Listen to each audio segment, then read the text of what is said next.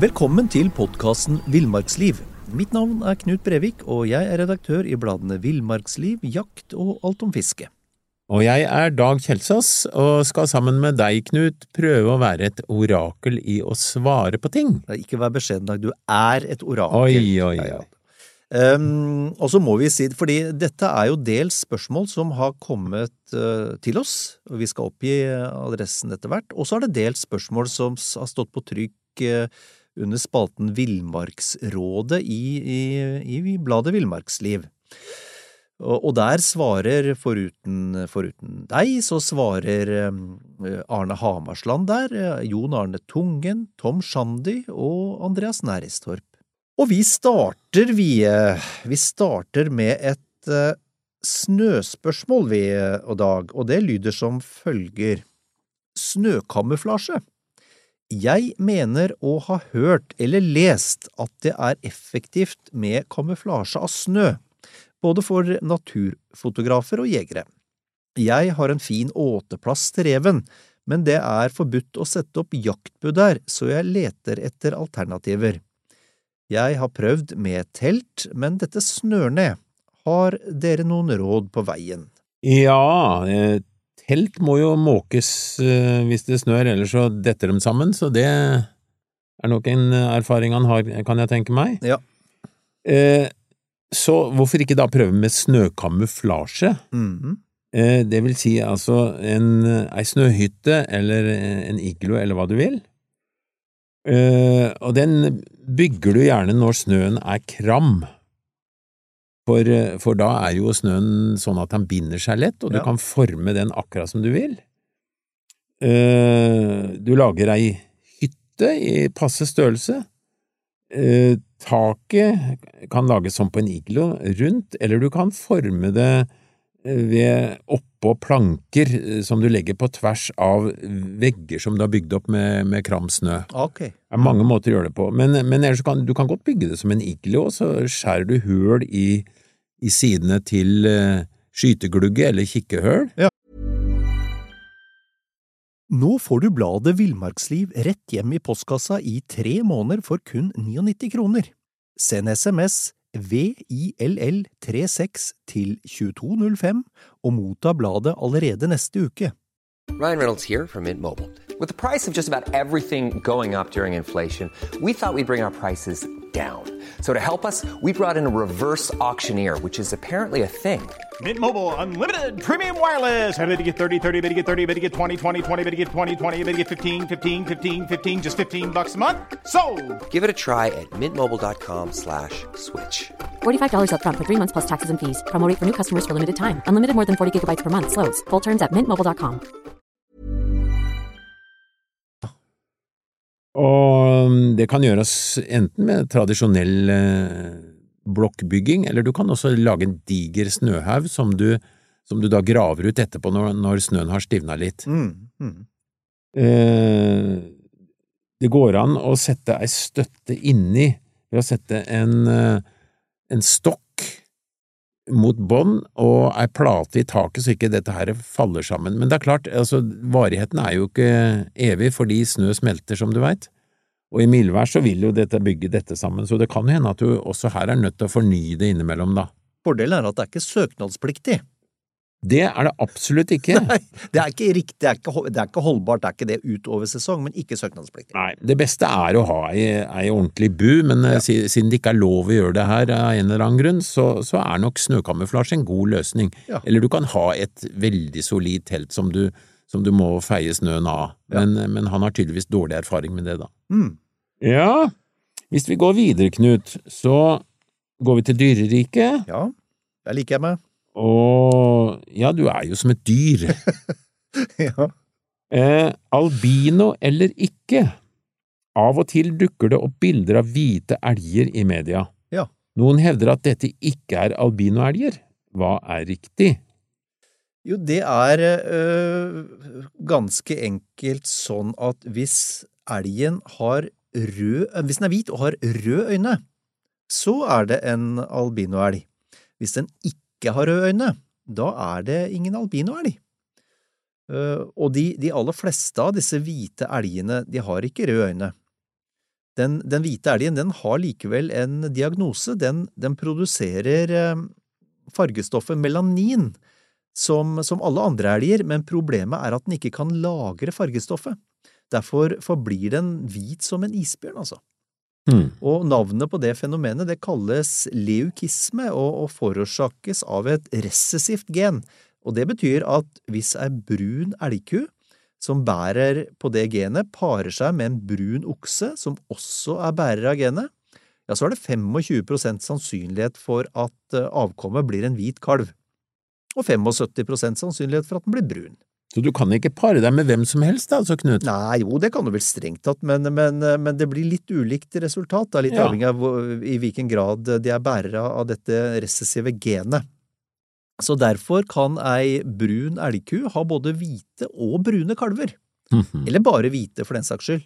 Eh, Hvis kua er hvit og oksen er brun, så er sannsynligheten 50% for at kalven blir hvit. Så konklusjonen er å regne først og pare seg etterpå. ja, det, ja det, det er jo ofte lurt å både regne og tenke seg om først, men, men i hvert fall hvis ei hvit, hvis ei hvit elgku parer seg med en hvit okse, så er resultatet nødt til å bli hvitt. Og, og hvis du husker, Dag, for du har jo vært i villmarksliv i, i enda flere år enn meg, mange år, mange flere år faktisk, så, så hadde vi en hvit, for, en hvit forside.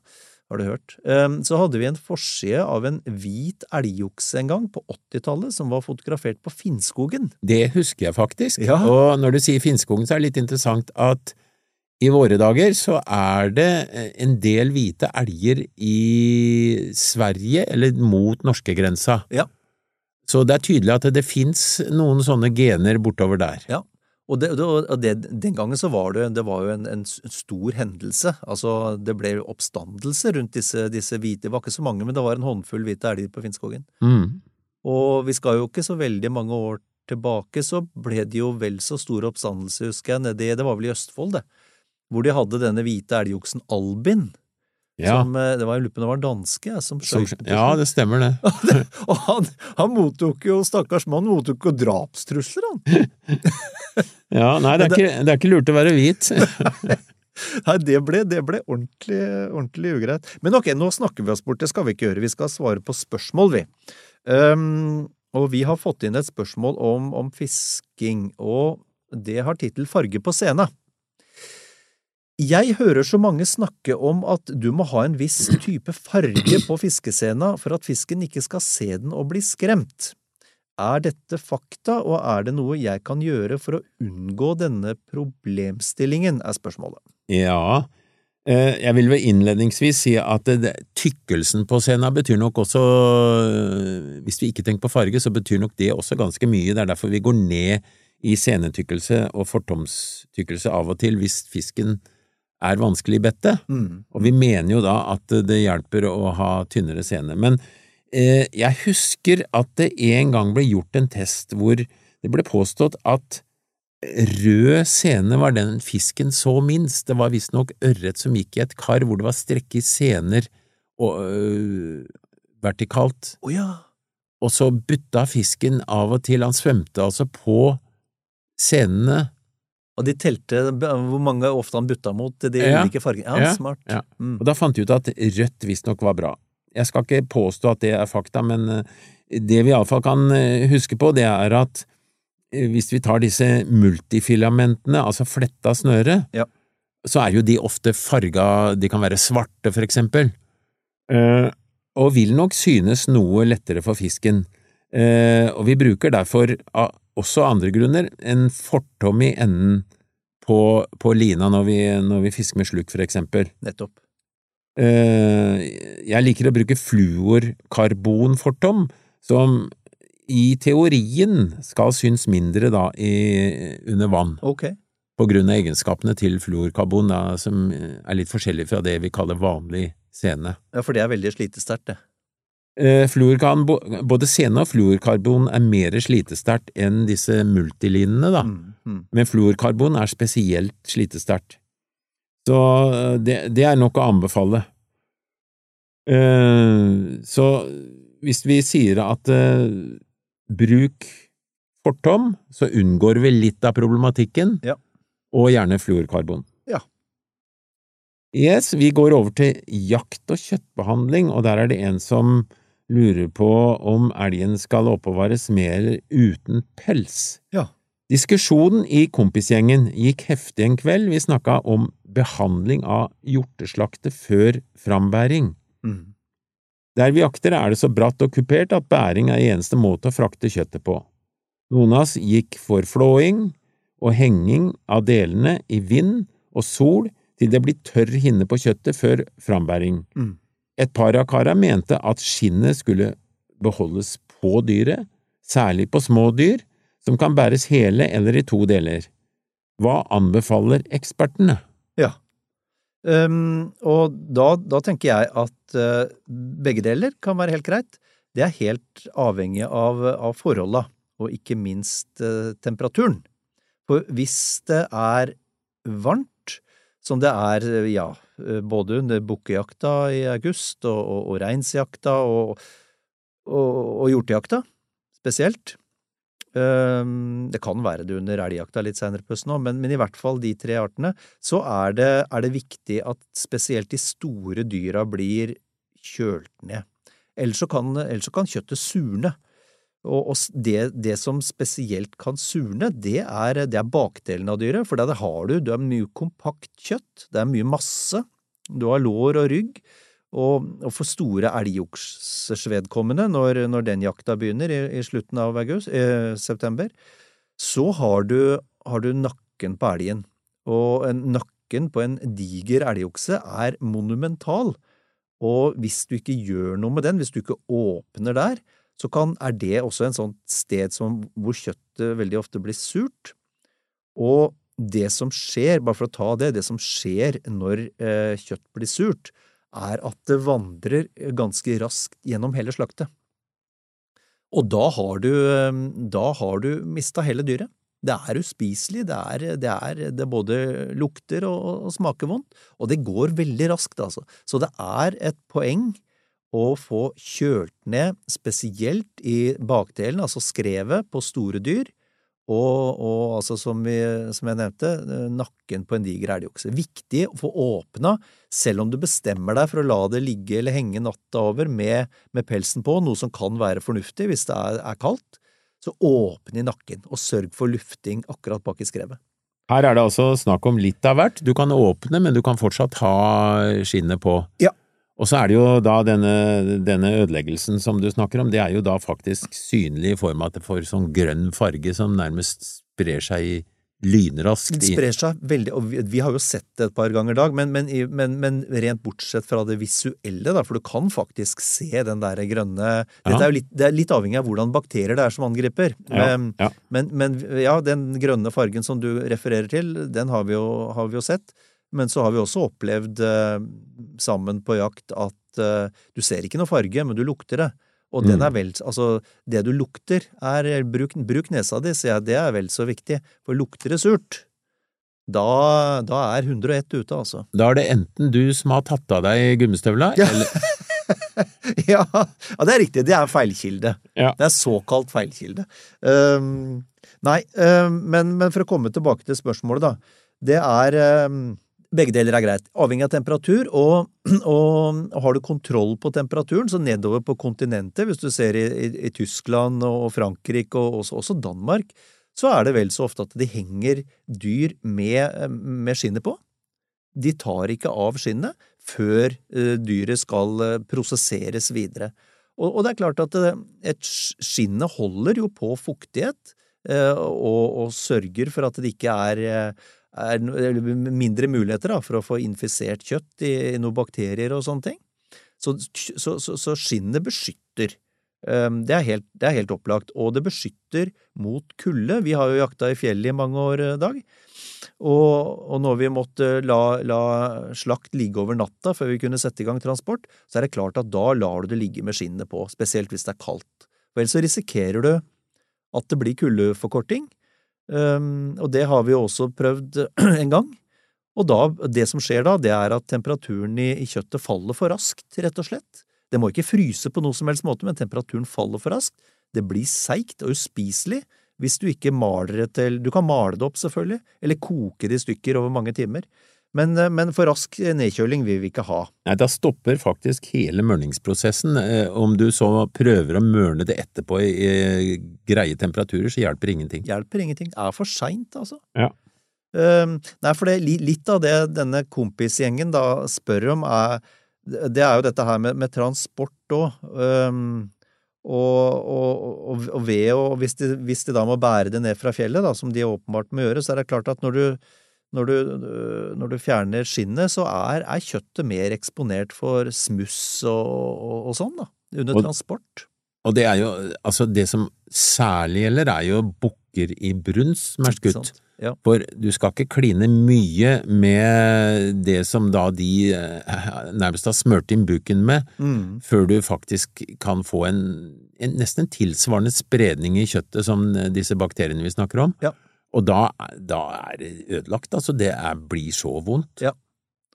Så, så, så riktig svar altså Det her kan vi jo snakke om i timevis, men, men, men til det konkrete spørsmålet om, om skinn av eller på, så er riktig svar eh, begge deler. Det avhenger helt av, eh, av temperatur og forhold. Ja. Ok. Brukte vi eh, Jeg merker at jeg blir engasjert når jeg snakker om, eh, om, om viltkjøtt, altså. Det er ikke mye rart, for jeg veit at du har fått kjeft av noen du solgte kjøtt til fordi det var helt eh, seigt og veldig vanskelig å spise. Ja, vet du hva, det er en av de Det er ikke så forferdelig mye jeg angrer på i mitt liv, men akkurat det angrer jeg på. Og, eh, og de, jeg skjønte jo ikke Jeg jeg var jo helt sikker på at vi hadde jo behandla det så bra, men det var altså kuldeforkorta kjøttet. Ja. Og det um, Vedkommende fikk jo selvfølgelig tilbake, tilbake pengene sine. Men det de fortalte, var at det var seigt som tyggegummi, og jeg sa at det tror jeg ikke noe på. Dette er av ypperste kvalitet, uh, frue. så fikk jeg da eh, smake på dette kjøttet selv, og det var seigt som tyggegummi. Så nei da. Men uh, nå prater vi oss bort igjen. Vi må, vi må videre. Vi må over til tur og leir. Ja. Ja, og her er, uh, her er stikkordet øks, sag eller samekniv. Spørsmålet går som følger. Vi er noen kompiser som har overnattingsturer i marka med jevne mellomrom. Bålvarme hører med når det er lov og forsvarlig. Vi har imidlertid forskjellig syn på hva som er nyttigst av redskap når vi skal bren når vi skal skaffe brensel. Det her er sånn typisk sånn koiediskusjon, vet du. Men i hvert fall. eh, Dette har blitt et diskusjonstema og gjenstand for erting, Uff og uff. ikke sant? Eh, Kan vi få en avgjørelse på hva som er best? Eh, det er veldig dumt å komme da med klare avgjørelser, for da blir noen glad i deg og noen sinte. Sånn er livet i dag. Ja, men, men det som kommer inn er at det er faktisk ikke sikkert at det ene er bedre enn det andre, for det kommer an på hvor du er og hvilke forhold det er. Ja. Eh, hva slags skog er tilgjengelig? Er det i granskau, eller er det på fjellet med bare vier? Er det tørt, mye grov kvist, eller tørr skog? Så trenger du ikke redskap i det hele tatt. Da, da kan du faktisk knekke kvister og, og klare deg bra uten noe. Eh, hvis du skal vektlegge tyngde og dels eh, volum på redskapen, Ja.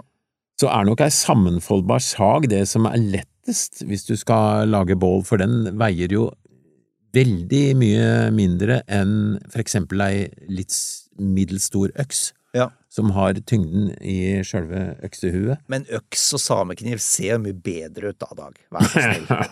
ja, ja, det kan du si.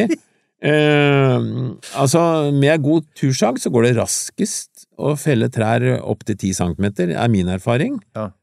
Eh, litt raskere enn øks, og enda litt raskere enn samekniv. Så til små kaffebål så er samekniven grei, Mm. for eh, så sant det er, eh, er relativt tynne materialer du jobber med, da. Ja. Um, øksa, den bør jo ha et skaft på minst 30 cm, så, så den tar jo også noe mer plass da enn enn, eh, begge de andre to, for samekniven kan jo bruke til også andre ting. Ja. Så den har jo den fordelen, da. Eh, Øksa har fordelen, da, at du kan kløyve ved for å finne kjerneveden eh, hvis det er kjempevått. Ja. Men da vil du ofte ha nytte av både øks og sag. Du sager kubbene med saga, og så hogger du eller splitter dem med øksa, da. Ja. Min personlige løsning, det er å ha en tollekniv. Nå får du bladet Villmarksliv rett hjem i postkassa i tre måneder for kun 99 kroner. Send SMS VILL36 til 2205 og motta bladet allerede neste uke. Ready to pop the question? The jewelers at BlueNile.com have got sparkle down to a science with beautiful lab grown diamonds worthy of your most brilliant moments. Their lab grown diamonds are independently graded and guaranteed identical to natural diamonds, and they're ready to ship to your door. Go to BlueNile.com and use promo code LISTEN to get $50 off your purchase of $500 or more. That's code LISTEN at BlueNile.com for $50 off. BlueNile.com code LISTEN. Som alltid er med, og er sammenfoldbar sag. Eh, Det blir lett og allsidig, men jeg låner øksa til en kompis hvis eh, vi skal kløve stokker for å finne tørr kjerneved. Så okay. enkelt er det. Ja vel. Så du, ditt, ditt svar er altså tålekniv, sammenfoldbar, god sag. I de fleste tilfeller, ja. Ja. Da går vi over til noe annet, og det har noe med skyting å gjøre, Knut, og du er jo en fremragende ekspert på skyting og våpen og kuler og krutt og alt som har med det å gjøre. Du, altså. Du begynte som ung med, ung med kinaputter i eh, postkassen, gjorde du ikke det? jo, det er riktig. Ok, treffpunkt. I høst skjøt jeg noen treningsrunder før jeg tok storviltprøven. Jeg trodde rifla var godt innskutt, men opplevde at jeg måtte skyte opp tre ganger fordi treffene plutselig var mye lavere, i parentes 15–20 cm, enn før. Ja. Jeg måtte derfor holde over blinken. Jeg skjøt med en type jaktammunisjon som var ny, men rifla har alltid gått tilnærmet likt med all ammunisjon. Mm. Stamplassreder oppfordret til å skyte sittende, noe jeg ikke har gjort før på bane. Jeg, regner med at dette var grunnen til treffpunktproblemet, men synes det er rart at forskjellen var så stor. Jeg vil derfor gjerne høre hvilke regler som gjelder for endring av treffpunkt når en endrer skytestillinger. Ja, det, Her var det mye. ja, det var veldig mye. Det, til det siste, da, det er jo ikke noen, det ikke noen regler. Det, det finnes én, én regel, eh, tenker jeg, og det er at du skal skyte opp og skyte med den ammunisjonen du har tenkt å bruke under jakta. Punktum. Det er en regel. Den er ufravikelig. Den er riktignok ikke nedfelt i noe lov, men, eh, men skal du jakte, så, så skal du skyte opp med det, men du skal skyte med det, og skyte opp med det du har tenkt å jakte med. Punktum. Fordi du, det, finnes, det finnes rifler som, som, som setter de fleste eh, ammunisjonstyper omtrent på samme plass, altså innenfor en eh, innenfor en 4-5-6-7 cm i diameter, og det er jo mer enn bra nok, det til, til all, all storviltjakt. Uh, men du kan ikke stole på det. Nei. Du kan ikke stole på det i det hele tatt, så du må, du må prøve den. Du må prøve det du har tenkt å skyte med. Uh, Det er, det er det ene. Og det andre, det er sånn Det er sånn klassisk eh, greie da, som vi møter ofte på skytebanen. Jeg er jo ofte på skytebanen om, om, om sommeren, og også ulike sånn standplassoppgaver. Og, og der er det en gjenganger at eh, det kommer, kommer folk, og så forteller de at um, de har, de har aldri skrudd på kikkertsiktet sitt, men de veit hvor han går, sånn at de holder for eksempel 20 cm over og litt til venstre. Ja. Det, det gjør de, og det går fint, da. Og jeg grøsser når jeg tenker på det. Ja, det, jo, men det er jo, det er jo fælt, å, fælt å, å, å le av det, men, men du må For det funker jo fint, og, og, og når de ligger der og veit nøyaktig på skytebanen, det er ikke noe stress, det er ikke noe dyr i bevegelse, er, alt er greit. De ligger der kanskje med anlegg og skyter dem, Mm. og, og holder da disse 20 cm over og 15 cm til høyre eller venstre, så går det som regel fint. Men det er bare det at det, det er én ting. Når du forflytter deg ut i skogen på post, og plutselig så kan det stå et rådyr der, eh, eller en elg, eller en hjort, eller hva det er, eh, eller du er i fjellet på reinsjakt, og, og, og så blir det litt bevegelse i dyra, og så kårer opp pulsen, og så, og så skal du skyte, og da er det ikke like lett å tenke at nei, men jeg må huske å sikte 20 cm over og 15 til høyre, for det husker du ikke nemlig. Og da går det galt. Veldig ofte. Så, så Nei, det er eh, men, Og det er, eh, det er den andre Hvis vi skal innsende her spør om regler. Første regelen er skyte opp med det du har tenkt å jakte med. Den andre er um, Siktepunktet ditt er treffpunktet ditt. Du Ja. skal vite hvor du Du skal vite Sånn at det der, der retiklet, der trådkorset legger seg, der, og du trekker av avtrekkeren, drar i avtrekkeren, da treffer du der. Det, det, det er ikke et unntak akkurat, da, men, men det er jo mange av oss som skyter inn så vi skyter en par-tre centimeter over på 100 meter. Ja da. Men det er jo for at vi skal kunne skyte rett på på avstander fra 150 og nedover, ikke Ja, sant? ja. Men det er noe helt annet. Det er noe helt annet, for der, der kan du si øh, Der er jo sånn hovedregelen at hvis du legger, hvis du legger treffpunktet på 100 meter en ja, 3-4 centimeter over, så er du klass I på 150-160 meter, og de fleste av oss bør eh, i hvert fall ikke skyte på noe lenger hold enn det.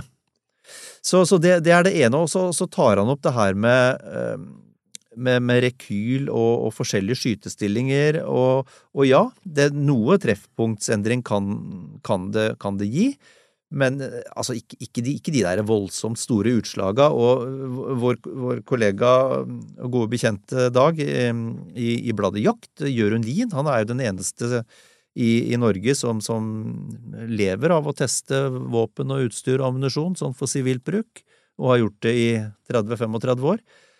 Han har jo testa det her, naturligvis. Jørund har jo testa absolutt alt, og, og, og, det jo, og det er jo det som fremgår av, av disse testene hans også, at ja, det, du tar opp rekyl litt annerledes når du ligger eh, og når du sitter og når du står. Litt forskjellige rekylopptak kan gi seg noe treffpunktsendring, men normalt eh, forholdsvis beskjedent. Ja. Um, så um, så jeg tenker at, um, at vedkommende uh, bør sette seg ned igjen med, med våpenet sitt og den ammunisjonen han har tenkt å, å, å skyte inn med. Uh, skyte inn klass I på 100 meter. Um, Verken, verken mer eller mindre, eller eventuelt med disse tre-fire centimeterne overslag, da, hvis han føler seg kapabel til å skyte på lengre hold enn 100. Men, um, men det er vel egentlig de reglene. Ja, ja. Ok, dette kunne vi også snakka om lenge, merker jeg, men, men ålreit, vi, vi går videre, og da er vi øh, over på undersåttene våre. Um, Føt, føttene, med andre ord. Føttene, med andre ord. Det er riktig. det er riktig. Uh, og her går, her går spørsmålet som følger. Jeg fryser ofte på føttene, særlig når jeg sitter på post under jakta eller fisker på isen.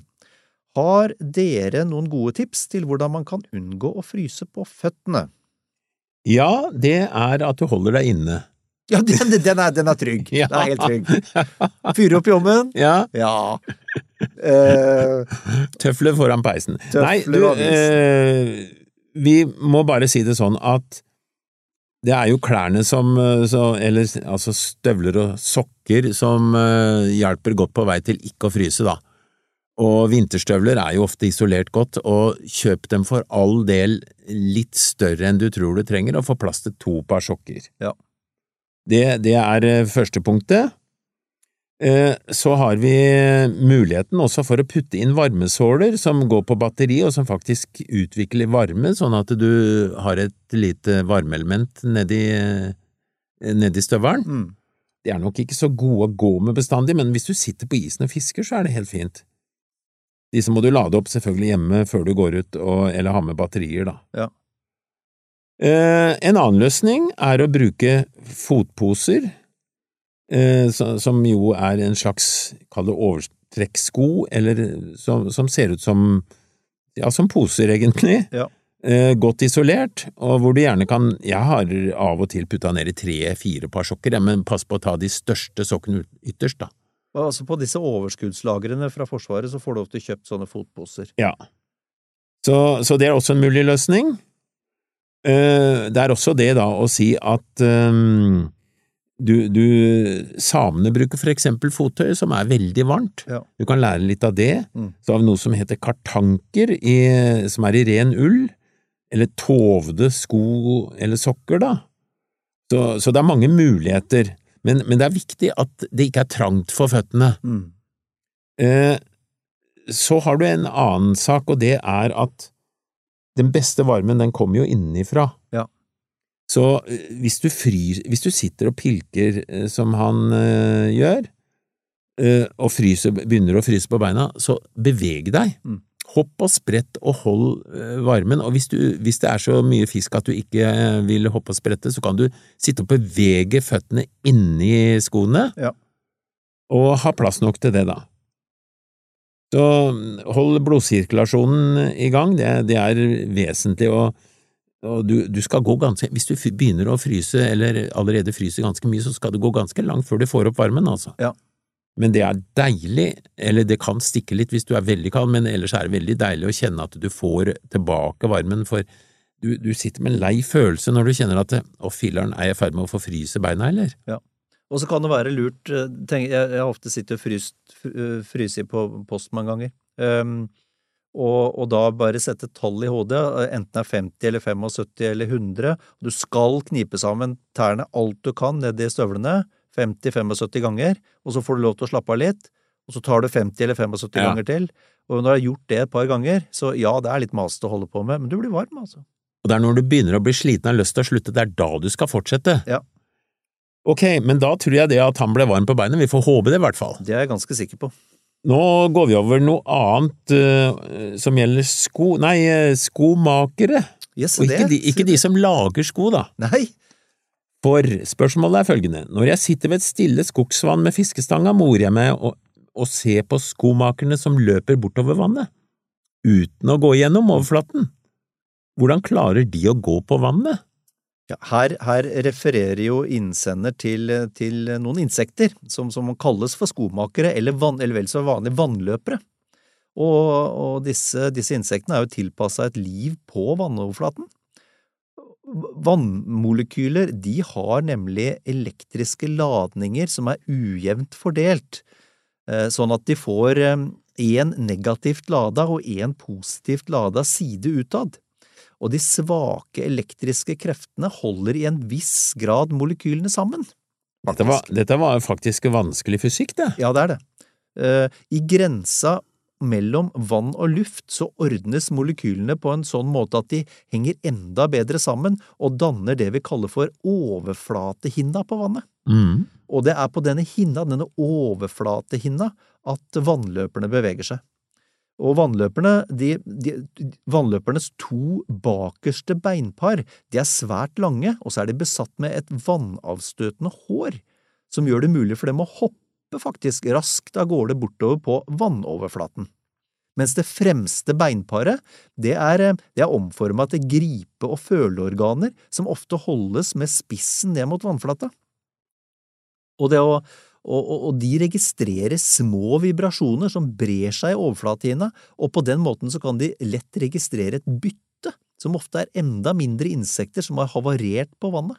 Du verden. Det er ganske gøy, da. Ja, tror du det, Knut, at hvis jeg får tak i vannavstøtende hår, og så limer de på føttene, kan jeg gå på vannet? For det hadde vært kjempefint når du fisker. I utgangspunktet er jeg skeptisk, men når du sier det, Dag, så ja, kanskje. kanskje. Men ok, vi, eh, vi, skal, eh, vi skal litt over på fisking igjen, og, og her er det også et kaldt spørsmål, og det gjelder fiskescene som fryser i hullet. På hytta har vi et vann der tradisjonen er å sette noen ståsnører etter ørret om natta. Selv om jeg legger snø i hullet, fryser det ofte til, så det blir vanskelig å få opp snøret uten å kutte det om morgenen. Noen tips, spør vedkommende. Ja, det første tipset det er at de som hører dette tipset, de bør sjekke at det er lov å sette ståsnører hvis de skal begynne med det om natta, da. Men, men hvis vi forutsetter at det er lov, så har du noen muligheter. Det ene er at hvis det er skare, så kan du legge et skareflak over hølet, og den snø isolerer jo veldig godt, eller skare også, da.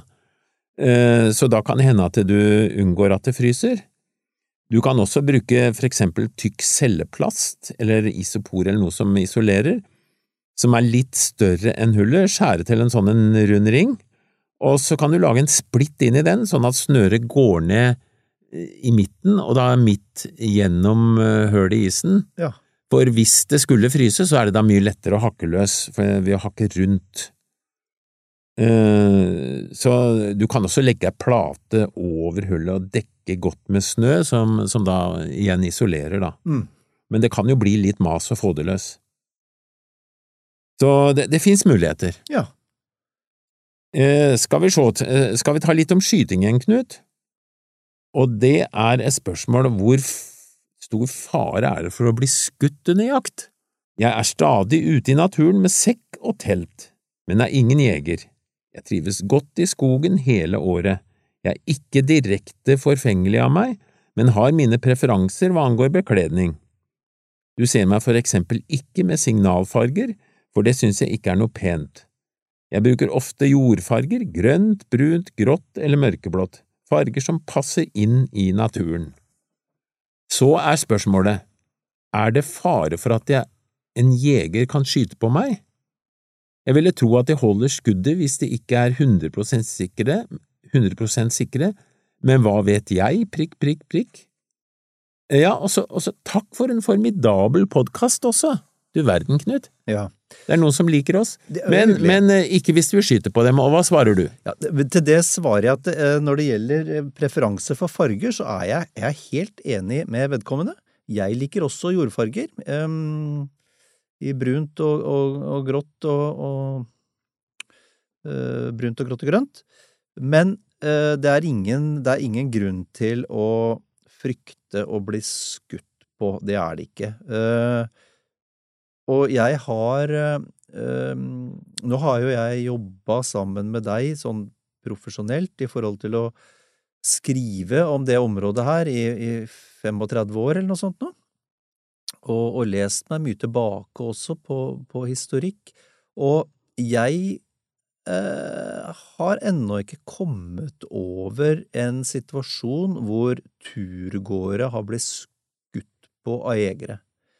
Um, du får korrigere meg hvis jeg husker feil, Dag, men det har jeg aldri registrert. Det, skje, det som skjer, eh, og det er veldig trist, men det skjer sånn i snitt eh, over de siste 50 åra, så har det skjedd en gang annethvert år at, at jegere mister livet under vådeskuddsulykker. Vi kan vel si det sånn, Knut, at om ikke turgåere er skutt, så hender det at eh, jegere blir skutt på, Ja, Uh, og, og det vil si at det, det er en mini-mini-mikro mulighet for at også en turgåer skal, kan bli skutt, så vi må, det blir som omtrent som de som spør om er bjørnen farlig? Ja. Nei.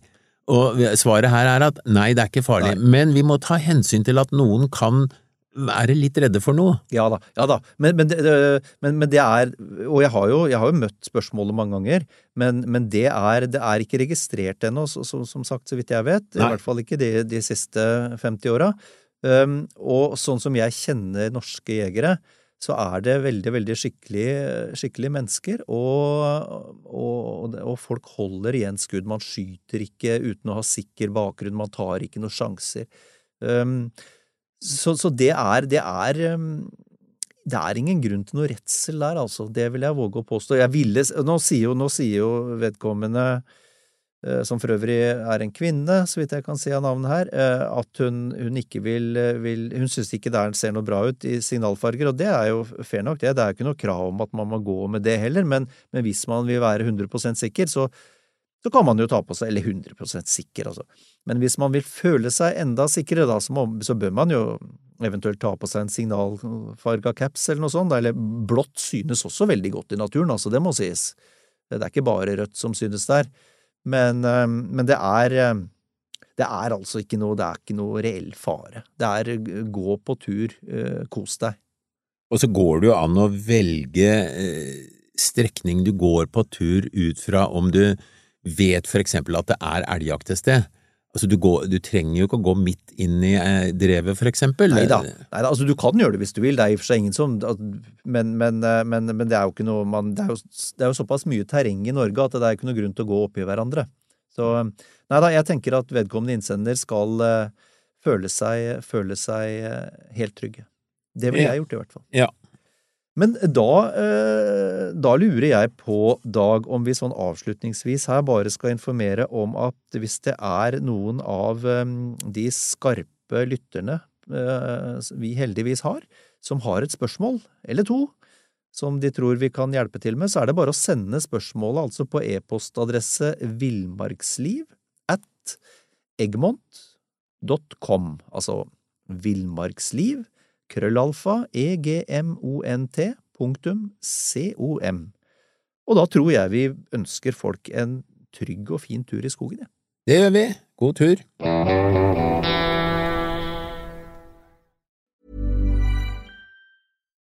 Nå får du bladet Villmarksliv rett hjem i postkassa i tre måneder for kun 99 kroner. I Villmarksliv kan du lese om norsk natur, ærlige tester av klær og utstyr, og mange gode turtips skrevet av erfarne friluftsfolk, fiskere og jegere. Send SMS VILL36 til 2205 og motta bladet allerede neste uke. Lev livet villere med bladet Villmarksliv. Mom deserves the best, and there's no better place to shop for Mother's Day than Whole Foods Market. They're your destination for unbeatable savings, from premium gifts to show-stopping flowers and irresistible desserts. Start by saving 33% with Prime on all body care and candles. Then get a 15-stem bunch of tulips for just $9.99 each with Prime. Round out Mom's menu with festive rosé, irresistible berry chantilly cake, and more special treats. Come celebrate Mother's Day at Whole Foods Market. Planning for your next trip? Elevate your travel style with Quince. Quince has all the jet setting essentials you'll want for your next getaway, like European linen, premium luggage options, buttery soft Italian leather bags, and so much more. And is all priced at 50 to 80% less than similar brands. Plus, Quince only works with factories that use safe and ethical manufacturing practices. Pack your bags with high-quality essentials you'll be wearing for vacations to come with Quince. Go to quince.com slash pack for free shipping and 365-day returns.